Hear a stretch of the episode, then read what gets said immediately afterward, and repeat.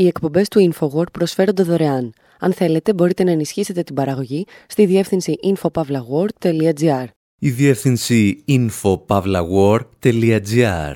Η εκπομπή InfoWord με τον Άρη Χατζηστεφάνου.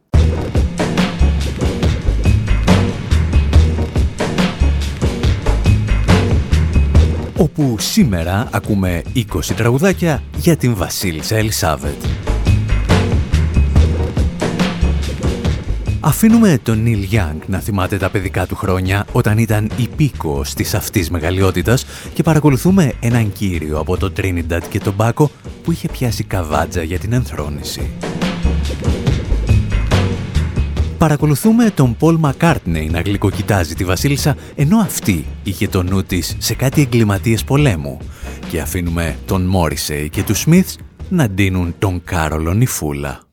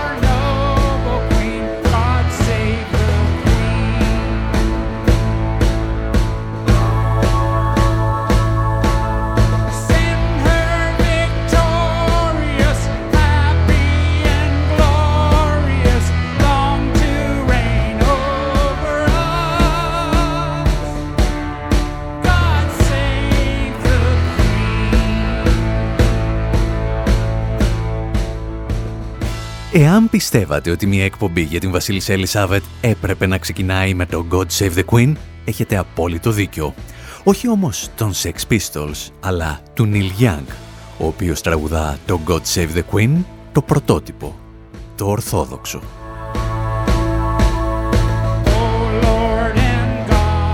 Για την ακρίβεια είναι τόσο πρωτότυπο και ορθόδοξο, ώστε περιλαμβάνει και ένα στίχο, ο οποίος για διευκρίνους λόγους έχει απαλληφθεί από τον επίσημο βασιλικό ύμνο της κοινοπολιτείας.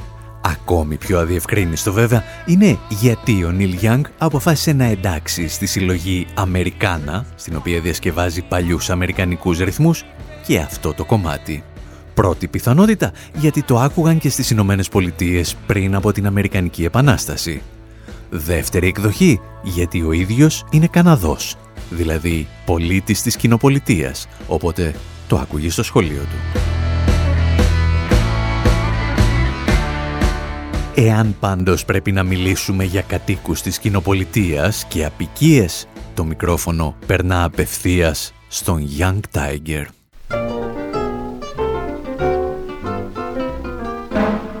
Let me tell you, ladies and gents, I enjoyed myself to my heart's content. I could not follow the procession, but I was there to see the coronation. I was there at the coronation. I was there at the coronation. I took up my position at Marble Arch from the night before just to see the march. The night wind was blowing, freezing and cold, but I held my ground like a young Creole. I was there at the coronation. I was there at the coronation. My stoic stand soon paid dividends, for I saw them coming around the bend.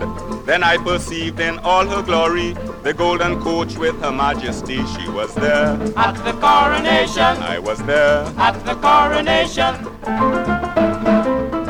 Ο Young Tiger, κατά κόσμο George Brown, γεννήθηκε τρία χρόνια πριν από την Ελισάβετ το 1920 και όπως ακούσατε είχε στηθεί στη Marble Arts από το προηγούμενο βράδυ για να παρακολουθήσει την τελετή στέψης της.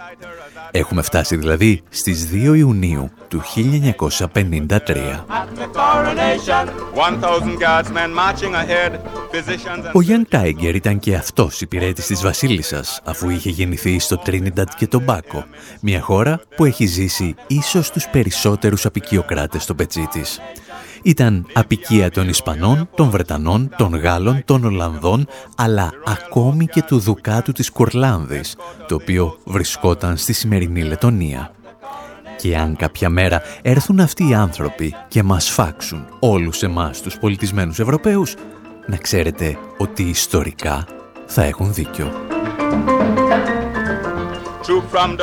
Γι' αυτό, όσο προλαβαίνουμε, περνάμε στο τρίτο από τα 20 τραγούδια για την Βασίλισσα Ελισάβετ. Her Majesty. Majesty's a pretty nice girl, but she doesn't have a lot to say. Her Majesty's a pretty nice girl, but she changes from day to day. I wanna tell her that I love her a lot, but I gotta get a belly full of wine. Αυτή ήταν φυσικά οι Beatles στο Her Majesty, ένα τραγούδι διάρκειας μόλις 23 δευτερολέπτων, στο οποίο ο Πολ Μακάρνε μας εξηγεί ότι η Βασίλισσα είναι καλό κορίτσι, αλλά δεν έχει και πολλά να πει. Παρ' όλα αυτά, ο ίδιος θέλει να την κάνει δική του.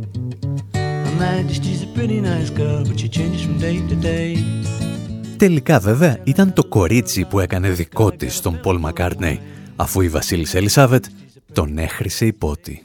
The order of the Companions of Honor to be a member, Sir Paul McCartney, for services to music. Η περίπτωση του Μακάρτνε ήταν από τις καλύτερες, γιατί συνήθως η Ελισάβετ έχριζε υπότες και προσέφερε μετάλλια και τιμές σε όποιον εγκληματία πολέμου έβλεπε μπροστά της. Μεταξύ άλλων είχε τιμήσει τον Σιμών Πέρες, σφαγέα της Κανά, τον Κόλιν Πάουελ, σφαγέα του Βιετνάμ και του Ιράκ, τον στρατηγό Νόρμαν Σβάρτσκοπ, σφαγέα επίσης του Ιράκ, τον Ρόναλντ Ρίγκαν, σφαγέα του κράτους πρόνοιας και τον Χένρι Κίσιγκερ, σφαγέα γενικώς. Επίσης, είχε προσφέρει μετάλλια στο Σύνταγμα Βρετανών Αλεξιπτωτιστών που πολυβολούσαν το πλήθος στη ματωμένη Κυριακή της Βόρειας Ιρλανδίας. Εκτέλεσαν 14 άμαχους πολίτες. Πιθανότατα η Βασίλισσα Ελισάβετ να ήταν ο τελευταίος Ευρωπαίος μονάρχης που είχε τέτοια μανία με το αίμα αθώων από την εποχή του βασιλιά του Βελγίου, Λεοπόλδου του Δεύτερου. Για όλους αυτούς τους λόγους πάντως, οι Manic Street Preachers αποφάσισαν να την βάλουν στη θέση της.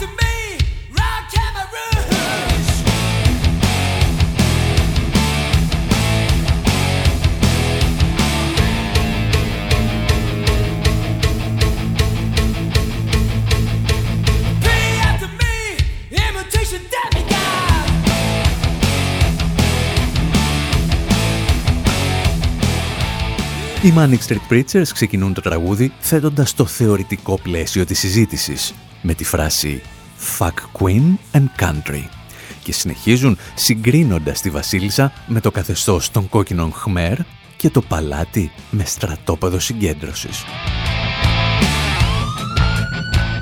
Παρεπιπτόντως βέβαια θα πρέπει να αναγνωρίσουμε ότι το τραγούδι δεν λογοκρίθηκε από τις Βρετανικές αρχές Γεγονός που αποδεικνύει την ανοχή των αγγλοσαξονικών καθεστώτων στην σκληρή κριτική. Βέβαια, ο τραγουδιστής των Manic Street Preachers εξαφανίστηκε και το πτώμα του δεν βρέθηκε ποτέ.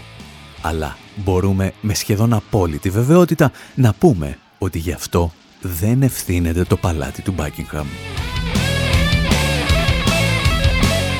Επειδή όμως έχουμε μείνει πολύ πίσω στο top 20 για το θάνατο της Ελισάβετ, προχωράμε ευθύς αμέσως στους Smiths, οι οποίοι μας είχαν μεταφέρει τα άσχημα μαντάτα 3,5 δεκαετίες πριν από την ώρα τους.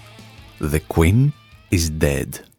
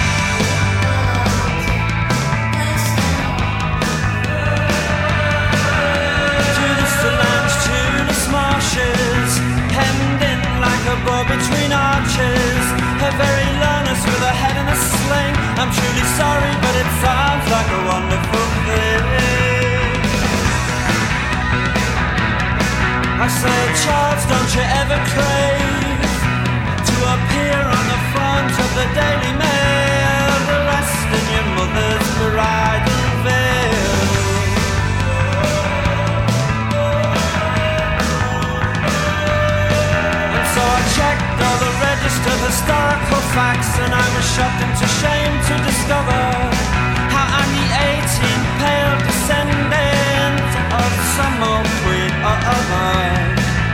Oh, has the world changed? The river changed. Oh, has the world changed? The river changed.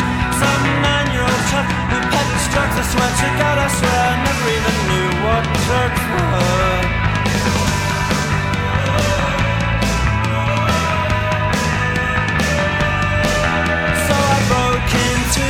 Palace with a sponge and a rusty spanner. She said, I know you and you cannot sing. I said, that's nothing, you should hear me play piano. We can go for a walk where it's quiet and dry and talk about precious things. But when you're tied to your mother's apron, no one talks about castration.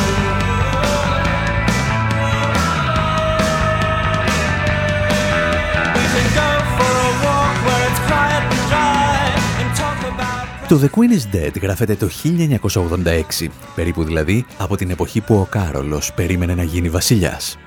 Είναι μάλιστα ένα από τα ελάχιστα γνωστά τραγούδια που αναφέρονται σε αυτόν. Σε εκείνο το στίχο που λέει «Κάρολε, δεν ονειρεύεσαι να γίνεις εξώφυλλος στην Daily Mail φορώντας το νηφικό φόρεμα της μαμάς σου». Και επειδή ούτε αυτό δεν φάνηκε να συγκινεί τους λογοκριτές του Ηνωμένου Βασιλείου, το συγκρότημα Καταλόνια αποφάσισε να εισβάλλει στο Buckingham. Storm the Palace.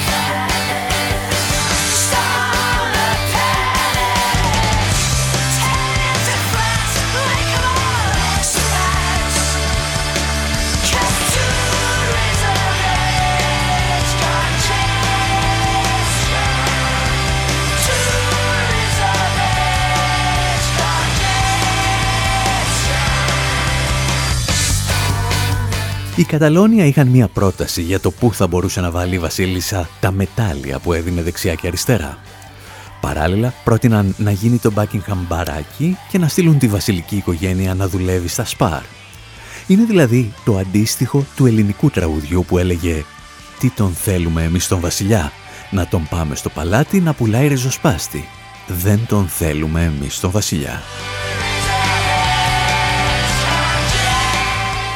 Αυτό που δεν είχαμε κάνει πάντως στην Ελλάδα είναι να ζητάμε όσα ήθελε να κάνει στη Βασίλισσα ο Γιουρόι.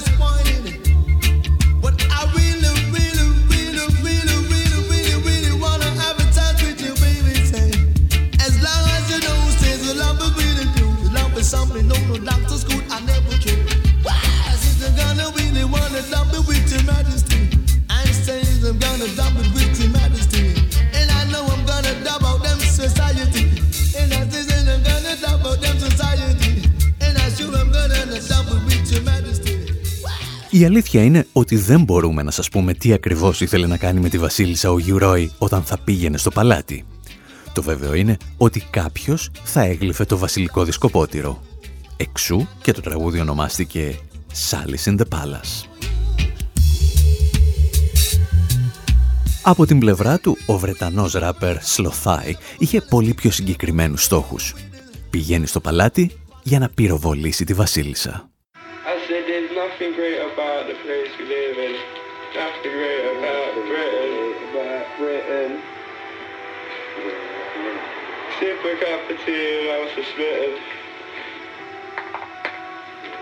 Nothing great about Britain. Bottle of Bucky in Buckingham Palace. There's coppers from Scotland all the way down to Dagenham. Waving a black cab, munching the fab. Had to skip the flats, I ain't chasing the dragon. You look like death warmed up. She in a splash just a coma. I ain't dizzy. I'm just a boy in the corner. Call me King Whitey, puking up off a corner. All I tasted is korma. Asbo restraining order. I put manners on the punk, cause I haven't had my skunk. Miss Teddy, I ain't ten. I'll squeeze your neck until you pop. I was waiting on my friends outside the local shops. See the feathers turning red. White beauty, oldest one, walking across the Thames. Firing slingshots, cause it's Nino Nino. Then we in Cospo.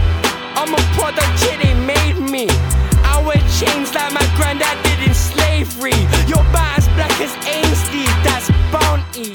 Appropriate the culture before they take heat. Change we, mold, shape, and break, please. Cause these industries are trying to constrain we. Pick it up, you put it down, bend it. Για άλλη μια φορά, δεν μπορούμε να σας μεταφράσουμε τους στίχους χωρίς να ακολουθήσει άμεση παρέμβαση του Ραδιοτηλεοπτικού Συμβουλίου. Γι' αυτό θα αρκεστούμε σε εκείνη τη στροφή που λέει «Φοράω και εγώ αλυσίδες, όπως ο παππούς μου, τον οποίο είχατε για σκλάβο». Η συγκεκριμένη δισκογραφική δουλειά συγκέντρωσε διθυραμβικά σχόλια στη Μεγάλη Βρετανία και σε μια δισκοκριτική μάλιστα στο Guardian διάβασαμε ότι «Ε, Εντάξει, όταν λέει ότι θα πυροβολήσει τη Βασίλισσα, εννοεί το θεσμό της μοναρχίας. Γι' αυτό επαναλαμβάνουμε πως όσα και αν καταλογίσουμε στο Ηνωμένο Βασίλειο παραμένει μια χώρα η οποία σε αντίθεση με βαλκανικές απικίες σαν την Ελλάδα σέβεται την ελευθερία του λόγου. Κάπου εδώ όμως φτάνουμε στο δέκατο τραγούδι για τη βασίλισσα της Αγγλίας και μας μένουν άλλα δέκα για το δεύτερο μέρος. Θα σας αφήσουμε για λίγο με τους White Stripes να τραγουδούν για κάτι που το γνωρίζουν λέει όλοι. Από τη βασίλισσα της Αγγλίας μέχρι τα σκυλιά στον Άδη.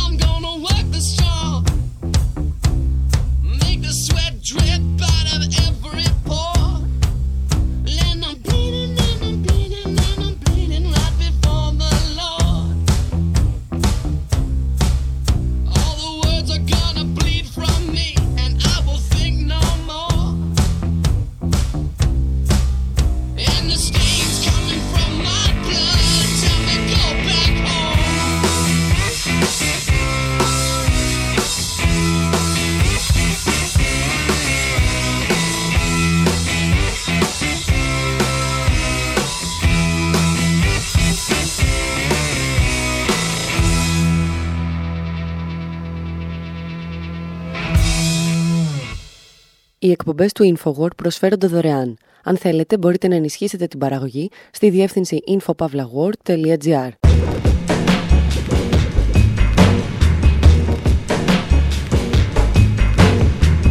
Εκπομπή InfoWord, μέρος δεύτερο.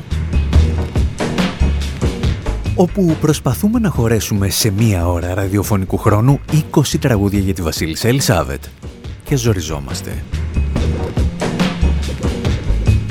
Στο πρώτο μέρος είδαμε να την φλερτάρουν, να την βρίζουν και να την πυροβολούν, όχι πάντα ανέτεια.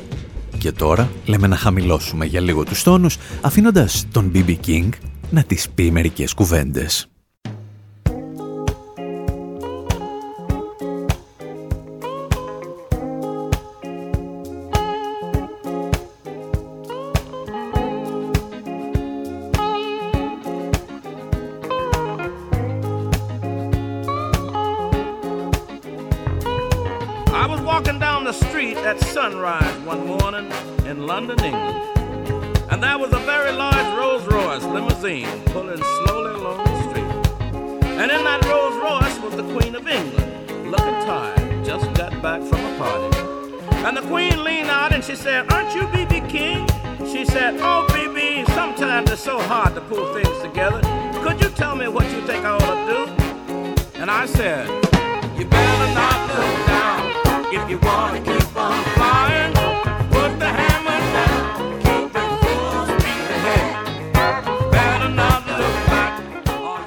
King περπατούσε, λέει, μια μέρα στο Λονδίνο και σταμάτησε δίπλα του μια μαύρη λιμουζίνα, στο πίσω μέρος της οποίας καθόταν η βασίλισσα της Αγγλίας. Επέστρεφε κομμάτια από κάποιο πάρτι και μόλις τον είδε, του είπε «BB, μερικές φορές δεν την παλεύω. Έχεις καμιά ιδέα τι πρέπει να κάνω» Και αυτός της απάντησε «Ποτέ μην κοιτάζεις κάτω και ποτέ μην κοιτάζεις πίσω».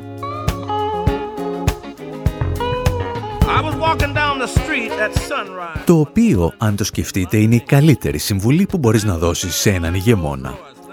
Αν ο λαός του πεινάει και οι ανθρωπιστικές οργανώσεις που κάποτε εργάζονταν στις απικίες του τώρα προσφέρουν βοήθεια σε άπορους στη Μητρόπολη, του λες να μην κοιτάζει κάτω. Εάν η οικογένειά του είχε ξεκινήσει στο παρελθόν το εμπόριο σκλάβων, ενώ το βασίλειό του έχει εισβάλει στην πλειονότητα των χωρών του πλανήτη, του λες να μην κοιτάζει πίσω. Λιγότερο φιλική με τη Βασίλισσα πάντως σε σχέση με τον BB King ήταν οι Stone Roses. Αν και ξεκινούν ευγενικά, λέγοντας Elizabeth my dear, το οποίο κατά λέξη μεταφράζεται «Αγαπητή μου Ελισάβετ», αλλά εδώ σημαίνει «Ελισάβετ κουκλίτσα μου, άκου».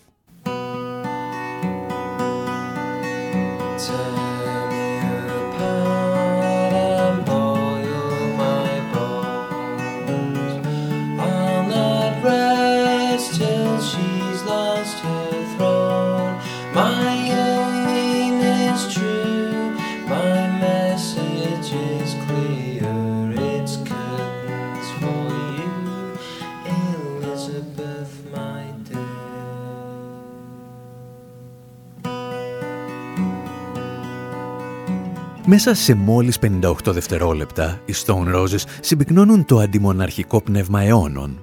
Μπορεί, λέει, να με κόψεις κομμάτια και να βράσεις τα κόκαλά μου, αλλά εγώ δεν θα ησυχάσω εάν δεν χάσεις το θρόνο σου. Το μήνυμά μου είναι σαφές. Αγαπητή μου Ελισάβετ, ο χρόνος σου τελείωσε.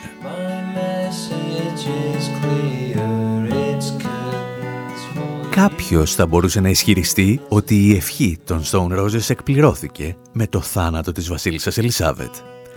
Εκτός εάν είστε από εκείνους τους οπαδούς της γιακοβίνικης θεώρησης των πραγμάτων, σύμφωνα με την οποία οι βασιλιάδες και οι βασίλισσες δεν πρέπει ποτέ να πεθαίνουν πλήρης ημερών.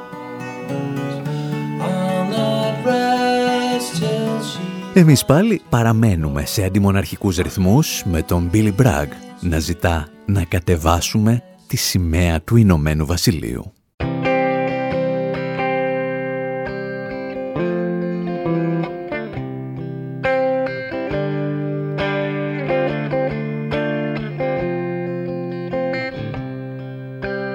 Take down the Union Jack It clashes with the sunset and put it in the attic with the emperor's old clothes. When did it fall apart? Sometime in the 80s when the great and the good gave way to the greedy and the mean. Britain isn't cool, you know, it's really not that great. Not a proper country, doesn't even have a patron saint. It's just an economic union that's past its sell by day.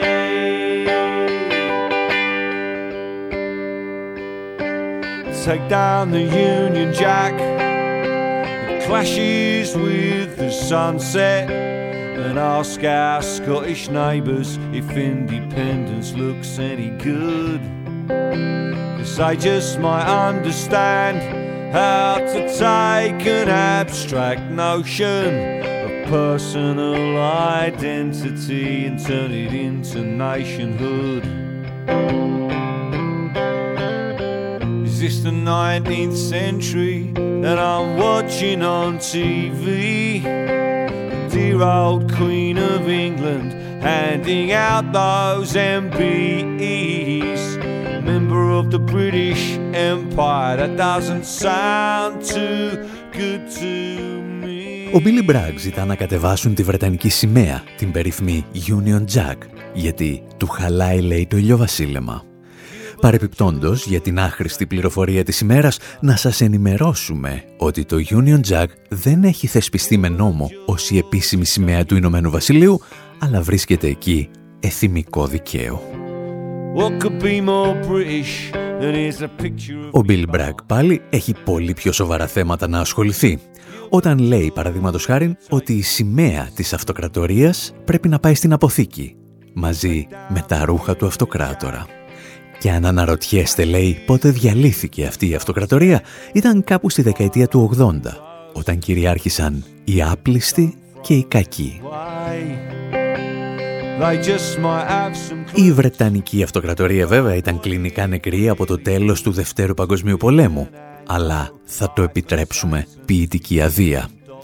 Κυρίως γιατί μας αρέσει εκείνος ο στίχος που λέει ότι κάθε φορά που έβλεπε την Βασίλισσα να μοιράζει μετάλλια στην τηλεόραση, ο Μπίλι Μπρακ αισθανόταν ότι ζούσε στον 19ο αιώνα.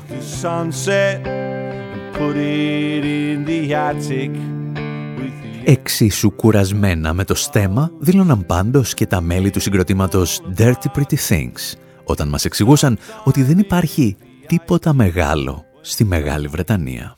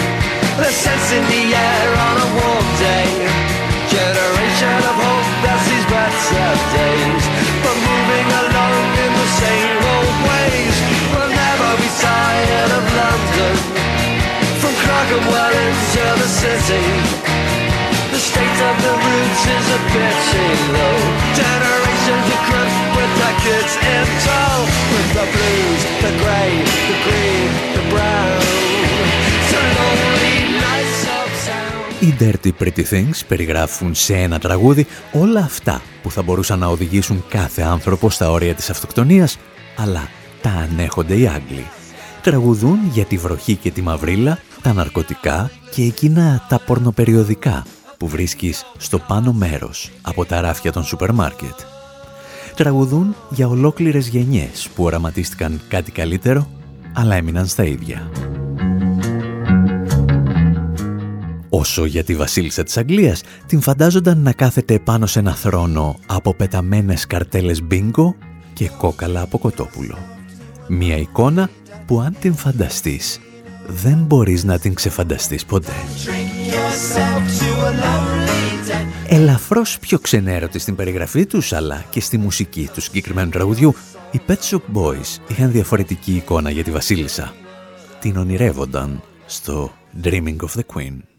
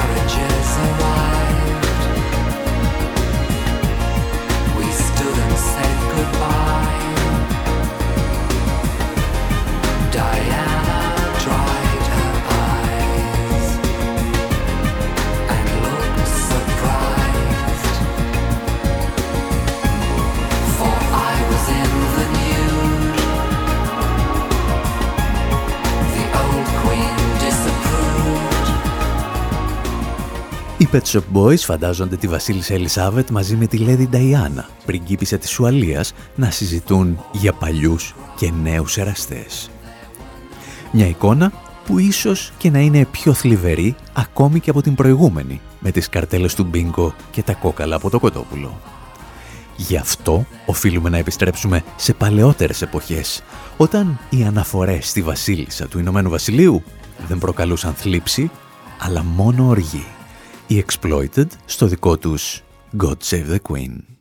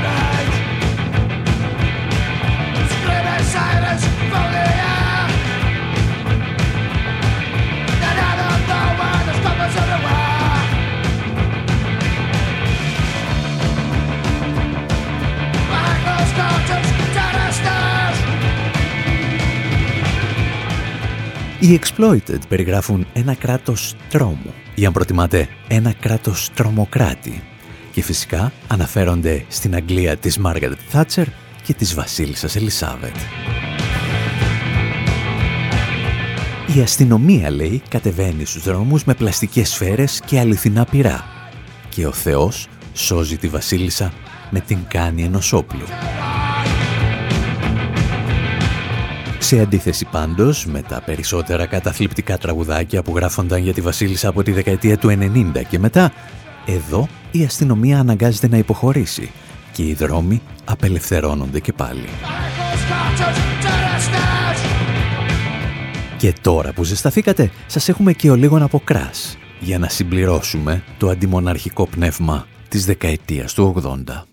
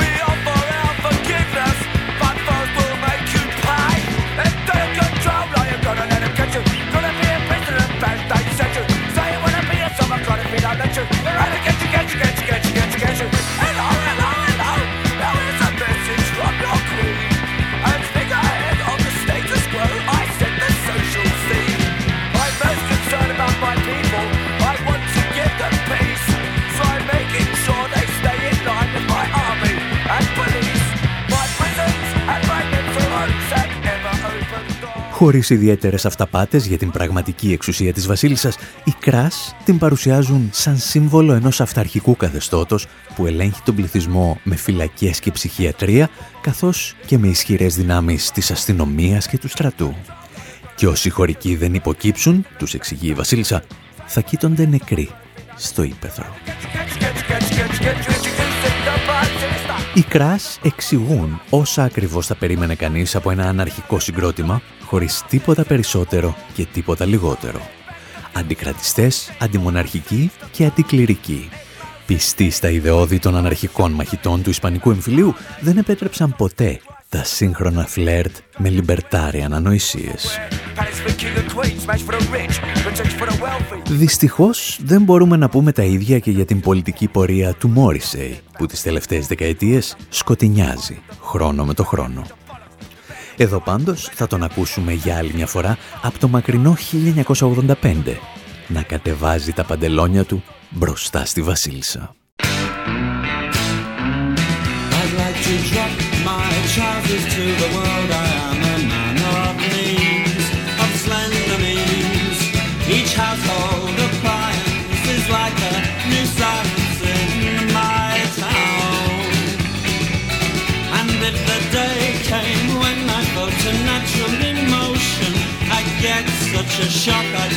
Jump in the ocean. And when a train goes by, such a sad sound.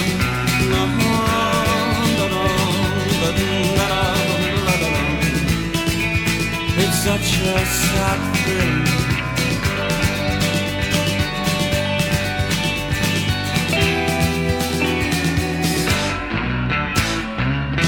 I'd like to drop my trousers to the queen.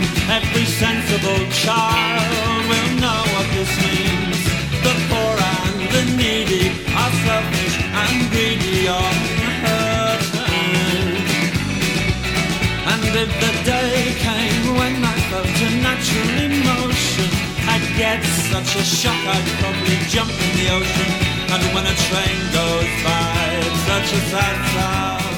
Στο Nowhere Fast, ο Μωρισέη κατεβάζει γενικά τα παντελόνια του μπροστά σε πολύ κόσμο, αλλά η Βασίλισσα φαίνεται να έχει την τιμητική της. Μια Βασίλισσα που όπως εξηγεί θεωρεί ότι οι φτωχοί και οι άνθρωποι που βρίσκονται σε ανάγκη είναι απλώς άπλιστοι. Αυτή τη φορά η Βασίλισσα δεν είναι η μασκότ του κράτους Λεβιάθαν για το οποίο τραγουδούσαν οι Κράς, αλλά μιας καταναλωτικής κοινωνίας, στην οποία η ρόλη του θήτη και του θύματος είναι μεν γνωστή, αλλά όχι τόσο ευδιάκριτη. When I'm lying in my bed, I think about life and I think about death. Στο σημείο αυτό όμως φτάσαμε στο προτελευταίο, δηλαδή το 19ο τραγούδι που βρήκαμε σήμερα για το θάνατο της βασίλισσας Ελισάβετ. Πολύ πιο χαλαροί, οι Libertines βάζουν απλώς την Ελισάβετ να πίνει το τσάι της με τον πρόεδρο των Ηνωμένων Πολιτειών.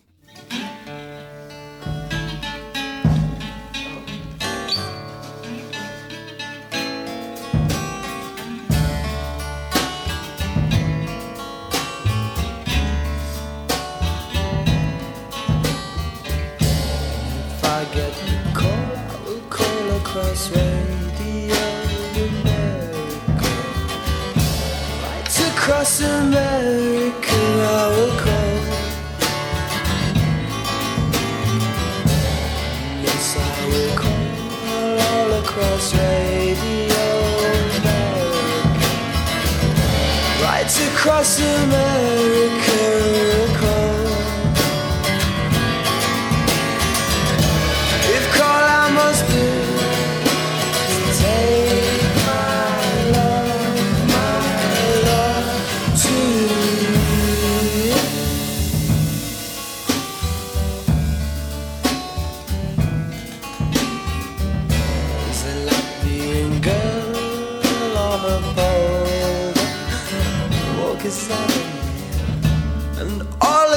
across Africa, China. Australia, I will call. Call you down in New Mexico, New Brighton, and Togo. Κάπου εδώ όμως, με ένα φλιτζάνι τσάι στο χέρι, λέμε να σας αφήσουμε και για αυτή την εβδομάδα. Να μας θυμάστε καθημερινά στη σελίδα info.pavlawar.gr όπου, αν θέλετε, μπορείτε να ενισχύσετε και οικονομικά τις προσπάθειές μας. Μέχρι την επόμενη εβδομάδα, από τον Άρη Χατζηστεφάνου στο μικρόφωνο και τον Δημήτρη Σταθόπουλο στην τεχνική επιμέλεια, γεια σας και χαρά σας.